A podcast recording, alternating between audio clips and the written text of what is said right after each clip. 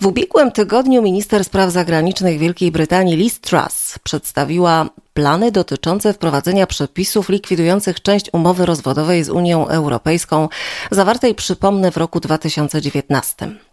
Przemówieniu pani minister towarzyszył wojowniczy ton. Im mocniej wymachiwała szabelką na lewo i prawo, tym bardziej przypominała zamroczonego pudla aniżeli psa Baskervillów. Żałosna próba oskrzydlania rywali marzących o zdetronizowaniu Borysa Johnsona natychmiast została zdemaskowana przez wynikliwych obserwatorów życia politycznego. Strasząc zerwaniem protokołu z Irlandii Północnej, Truss przyznała, że Wielka Brytania jest gotowa rażąco złamać prawo międzynarodowe. Trochę to dziwne, zważywszy na to, że ta sama kobieta wielokrotnie w przestrzeni publicznej potępiała rażące naruszanie prawa przez Władimira Putina.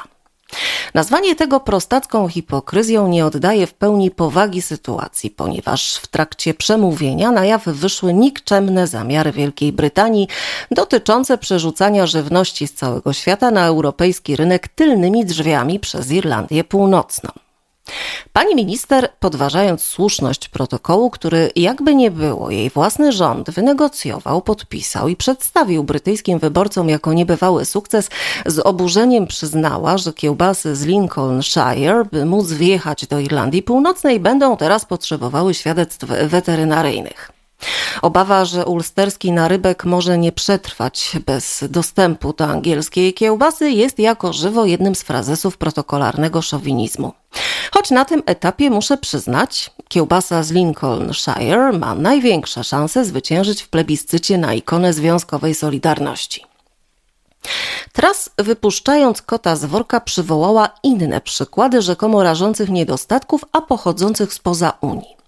W tym zacnym gronie produktów niezbędnych znalazły się nowozelandzka jagnięcina, wieprzowina brazylijska oraz tajskie zielone kary. Ich brak na sklepowych półkach, zgodnie z sugestią pani minister, może zagrozić egzystencji mieszczan na północy wyspy.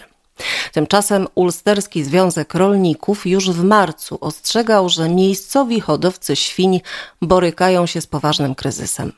W tej trudnej dla branży sytuacji nie sposób zrozumieć, dlaczego Tras import taniej brazylijskiej wieprzowiny do Irlandii Północnej uznała za dobrą nowinę dla tamtejszych rolników.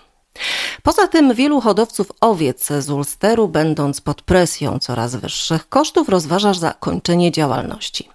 Czy i oni mają powody do zadowolenia, wiedząc, że wyrzucenie przeklętego protokołu do kosza sprawi, iż półki supermarketów będą uginać się, lecz pod ciężarem nowozelandzkiej jagnięciny?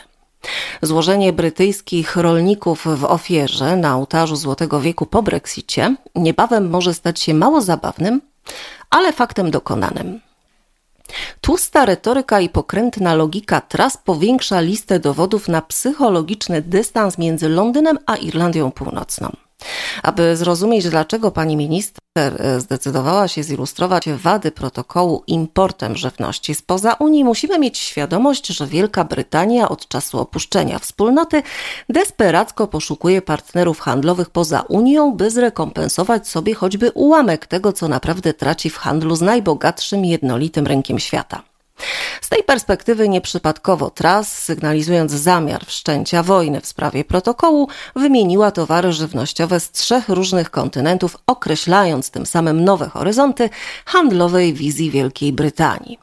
Państwa pochodzące z tych odległych regionów świata chcą przede wszystkim dostępu własnych produktów na brytyjski rynek. Gdyby jednak za pośrednictwem Wielkiej Brytanii miały trafić na rynek unijny, pewnie nikt by się nie obraził.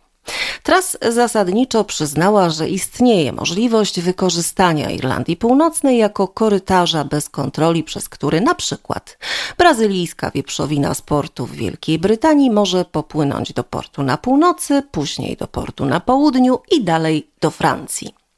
Unia zdaje sobie sprawę, że dopuszczenie do takiej sytuacji byłoby szaleństwem. Dlatego musi znaleźć sposób na walkę z tego rodzaju patologią, żeby nie powiedzieć cwaniactwem.